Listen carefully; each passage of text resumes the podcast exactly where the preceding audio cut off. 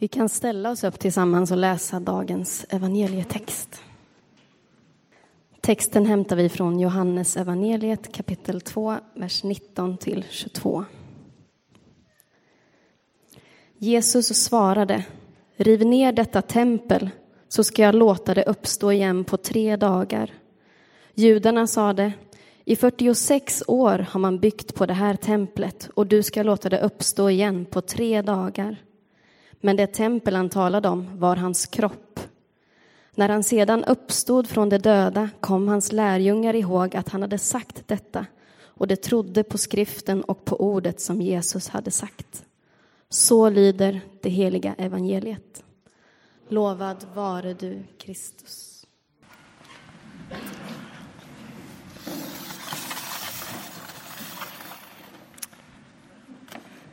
Ni som eventuellt bara hör min predikan idag eh, så vill jag informera om att jag just eh, plockade fram en av second hands skyltdockor eh, som får symbolisera dagens tema. Kroppen. Kroppen och sexualitet. Jag går alltså ifrån kyrkoåret idag Eh, och jag gör det för att vi i vår har en, en slags samtalsspår som handlar om kroppen och sexualiteten. Och då tänkte jag att någon söndag vill jag plocka ner det här också i gudstjänstsammanhang och idag får bli den söndagen. Och kroppen och sexualiteten är jag medveten om är ett intimt ämne, ett närgånget ämne vilket det gör kanske att eh, det sitter en och annan av oss lite grann och skruvar på sig. Vad kommer Daniel säga idag? Tänk om det blir obekvämt. Tänk om han sårar någon. Och det är ett, ett känsligt och ett svårt och utmanande område. Inte minst för kyrkan som har haft ett komplicerad relation till kroppen och sexualiteten under i stort sett hela sin historia. Är man lite äldre så har man i sitt kollektiva minne av kyrkan eh, minnen från 1900-talet, kanske uteslutningar för att människor inte levde upp till kyrkans normer kring sexualitet.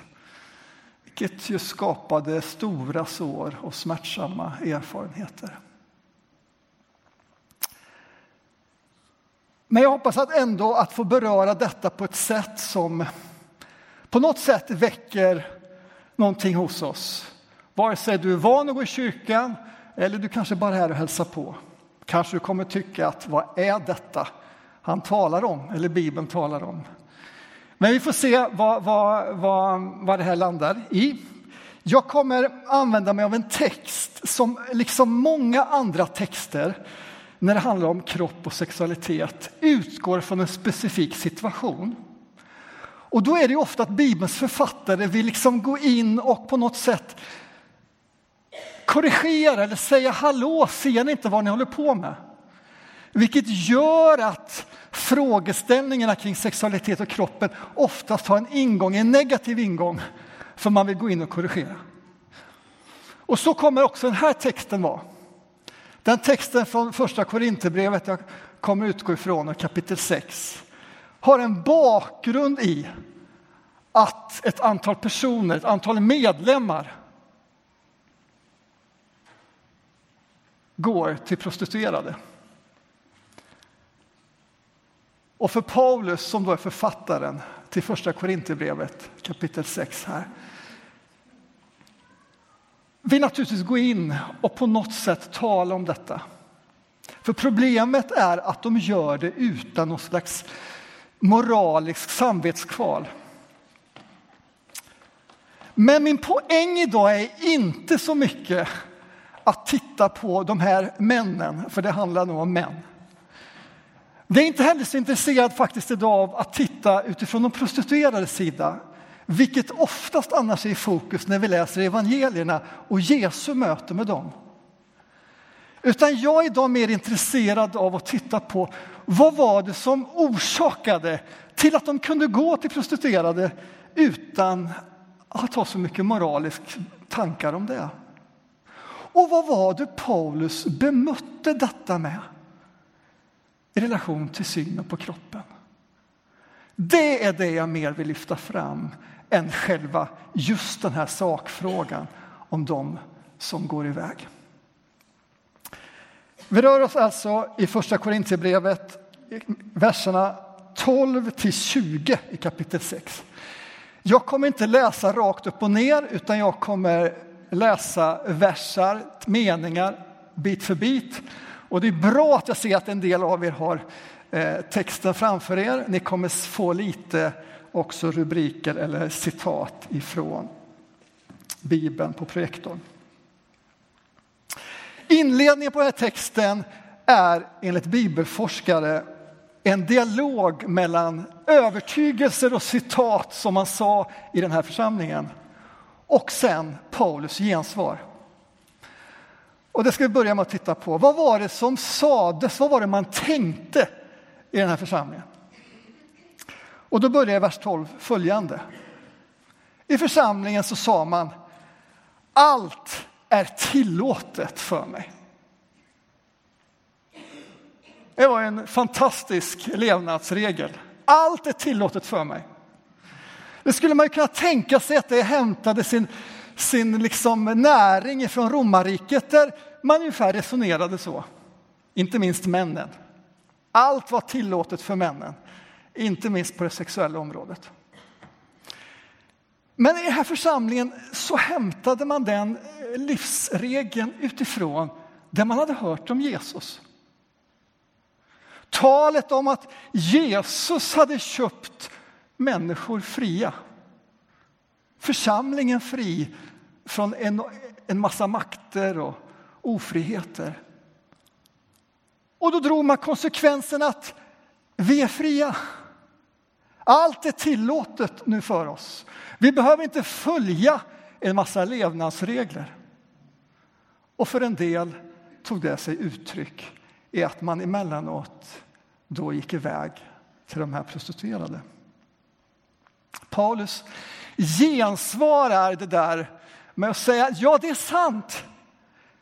Jesus har köpt oss fria på korset. Det där är ju en egen predikan vad det egentligen betyder. Men säger han, den friheten finns ju i Jesus.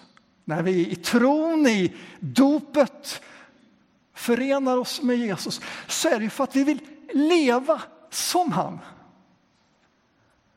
Och han hade frihet. Men hur använder Jesus sin frihet? Jag har kommit för att tjäna för världens skull, säger Jesus. Och därför svarar Paulus här med allt är tillåtet för mig. Ja, men det där behöver kompletteras med allt är inte nyttigt, säger han här. Och I kapitel 10, när det här upprepas, så förtydligar han med att säga allt bygger inte upp. Det vill säga, låt den frihet du har förenas med Jesus sinnelag där fokuset är vad bygger upp min partner eller församlingen jag har omkring mig. Hur kan jag leva ett liv och använda den frihet du har fått till att bygga upp andra? Vi går vidare. Paulus säger igen, allt är tillåtet för mig, säger ni. Men så kompletterar han med ett nytt. Men ingenting får ta makten över mig. Nu är fokuset på mig själv. Ja, vi är fria i Kristus, men låt nu inte den friheten leda er in i nya ofriheter. Eller som Paulus ofta använder, slaveri. Och vi i vår tid kanske snarare ofta skulle säga missbruk. Det vill säga saker som kan vara gott i sig men som får en makt över oss. Och som vi märker att nej men, nu rår jag inte på det här längre. Nu kan jag ju inte kontrollera det här längre. Det bara fortsätter. Och för de här männen här i församlingen så handlade det väl om, om de här besöken. Men när det gäller sexualiteten kan det ju handla om så mycket som kan bli ett missbruk. Och när det gäller kroppen i stort så berör ju det här hur mycket som helst. Det som är gott kan bli fel. Det kan gälla ju vårt ätande, det kan väl gälla vår träning. Det kan gälla vårt utseende. Ja, det finns ju oändligt mycket som här i vår tid blir ett missbruk. Tredje, säger Paulus, ja, ni säger, hos er är övertygelsen att, och nu kommer något kanske lite konstigare. Maten är till för magen och magen är till för kroppen. Eller för... Maten är till för magen och magen är till för maten. Tills Gud gör båda överflödiga. Det lät väl rimligt? Ja, vad är det som Paulus här tycker är faran? Ja, faran är att de såg på magen, eller snarare hela kroppen, som egentligen lite överflödig. Kroppen ska ju ändå en dag förgås. Den ska förmultna, dö. Den har ju inget evighetsvärde, menade man. Det som Gud har gjort på korset, det är ju till för allt det där som händer i kroppen. Själen, anden, den inre människan. Nej, kroppen är ett skal som ska förmultna. Så, så länge vi har kroppen, ät, drick och var glad. Den är inte så viktig i frälsningen. Följ dess impulser. Paulus bemöter detta och säger så här. Kroppen är inte till för otukt det där är ju inget roligt ord. Det där är ett laddat ord. Men här handlar det ju då om de här männen som sprang iväg till de prostituerade. Men poängen är här, kroppen är till för Herren och Herren är till för kroppen. Känn på den. Smaka på den meningen. Min kropp med alla dess skavanker och leverfläckar och allt som man som 50-åring börjar känna sig obekväm med av lite smygande övervikt och allt vad det nu kan vara. Är min kropp till för honom? För Jesus, för det är det Paulus menar. Och är Jesus till för min kropp? Vad är det han menar, Paulus? Ja, det är ju uppenbart att han vill bemöta ett synsätt där de hade dragit åt sär den inre människan och kroppen. Någonting som i kyrkans historia har alltid varit ett bekymmer. Det brukar gå under begreppet gnosticism. Där kroppen antingen undervärderas eller kanske övervärderas och blir en gud i sig. Men den hittar liksom inte riktigt sin plats i relation till Jesus. Och nu försöker Paulus här korrigera den relationen. Din kropp hör till Herren och Herren hör till din kropp. Och det här är ju en slags mysterium som alla föreningens mysterium är. Men tre saker säger Paulus i den här texten nu framöver, vad han menar. För det första, Gud har uppväckt Herren och genom sin makt skall han uppväcka oss. Alltså han säger, Fadern har uppväckt Jesus på påskdagen, hans kropp, till ett uppståndelseliv. Det var inte hans själ och ande som, som uppstod, utan det var hans kropp. På samma sätt, samma kraft kommer verka i er så att ni på uppståndelsens dag, era kroppar ska uppstå. Här finns en viktig likhet och kontaktyta. Era kroppar är inte bestämda till förmultning och död. Den är bestämd till uppståndelse och liv. Evigt liv. Då gäller det ju att på något sätt hitta någon slags trivsel med sin kropp. Ja, men i evigheten så blir ju samtidigt kroppen försonad med det, mycket av det vi kämpar med. Så det finns ju både en likhet med kroppen här, men det vi kämpar med här är vår tro att Gud får hela på olika sätt. För det andra så säger han Vet ni inte att era kroppar är Kristi lemmar? Det här låter ju fromt. Kristi lemmar. Vad innebär det? Ja, lemmar är helt enkelt kroppsdelar. Och I församlingen så brukar det oftast vara ett språkbruk utifrån det Jonas läste tidigare. Där Paulus talar om att vi var och en som är här i församlingen, som har döpts in i församlingen och blivit medlemmar. Så är det att vi hör ihop. Vi hör ihop. Men här är inte poängen för Paulus medlemskapet att vi hör ihop. Utan din och min kropps relation till Jesus. Det vill säga Paulus försöker uttrycka att din och min kropp på något sätt relaterar till Jesus, till Jesu kropp. Och det här är ett mysterium. Vad menar han egentligen? Att min kropp är Kristi kroppsdel. Ja, vi vet och förstår inte riktigt vad det är han menar. Det är på något sätt också det är ett mysterium. Men det hänger ihop. Och så fördjupar han det här ytterligare. Och det är nu han går in i den här problematiska situationen i församlingen. Och det är när männen går iväg till de prostituerade och helt enkelt har sex där.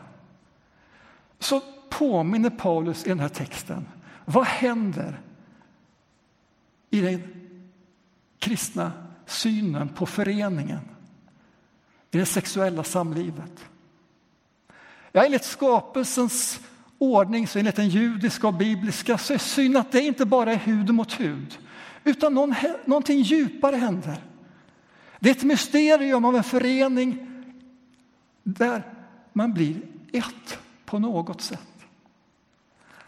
Och Paulus uttrycker detta ganska ja, absurt, eller ganska absurt är fel ord, ganska, han säger så här. Vet ni inte att den som förenar sig med en sköka, och det är ju det som var det konkreta fallet här, förenar sig med en sköka, blir en enda kropp med henne. Alltså synen på att det sker någon typ av förening. Och det är det första steget. Sen drar han det ett steg till och säger att ja, om jag som kristen är förenad med Kristus också förenar mig med någon annan i den sexuella föreningen så blir en koppling här mellan Kristus och den jag förenar mig med. Och här kommer kanske den lite märkliga och absurda meningen. När han säger, ska jag ta Kristi lemmar, Kristi kropp och göra det till en skökas, det vill säga en prostituerads kropp? Och här kan man ju undra, Paulus, det känns det ju knepigt detta. Men poängen är inte, vi ska inte fördjupa oss i själva teologin om vad Paulus menar där. Utan poängen är att han vill säga till församlingen och inte minst till männen som gick iväg. Vad ni gör med era kroppar, det har betydelse. Vad ni gör med era kroppar spelar roll.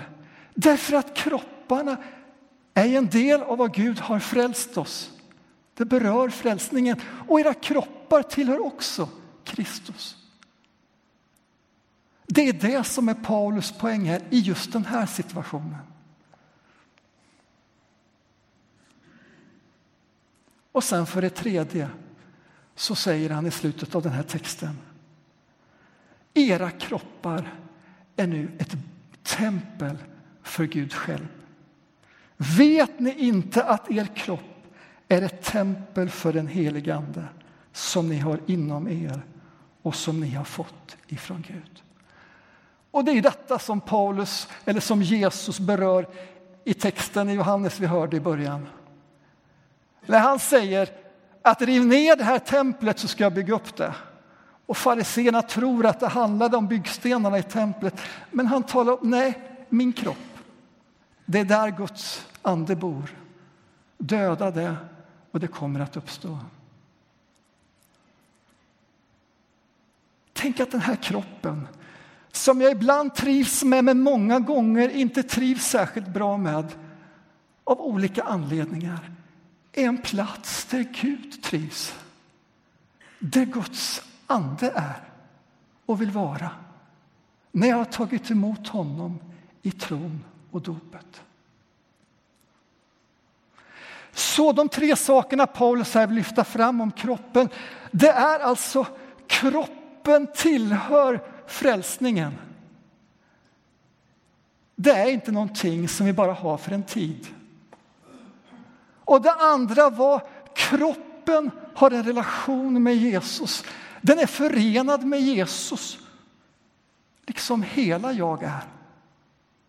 Och för det tredje, kroppen är en plats där Gud själv bor. Det är det han vill ge som gensvar in i den här situationen i församlingen.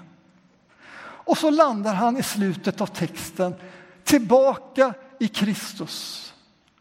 Allt som vi pratar om kring etik och frågor som är svåra behöver hela tiden relatera vad har Jesus gjort för oss? Och så säger han, ja det är sant. Kristus har köpt er fria. Det är sant. Och ni har gett er till Kristus också med era kroppar.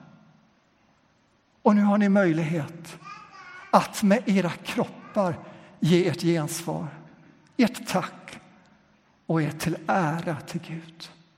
Därför avslutar han just med detta. Ära då Gud med era kroppar. Nu ska jag sluta.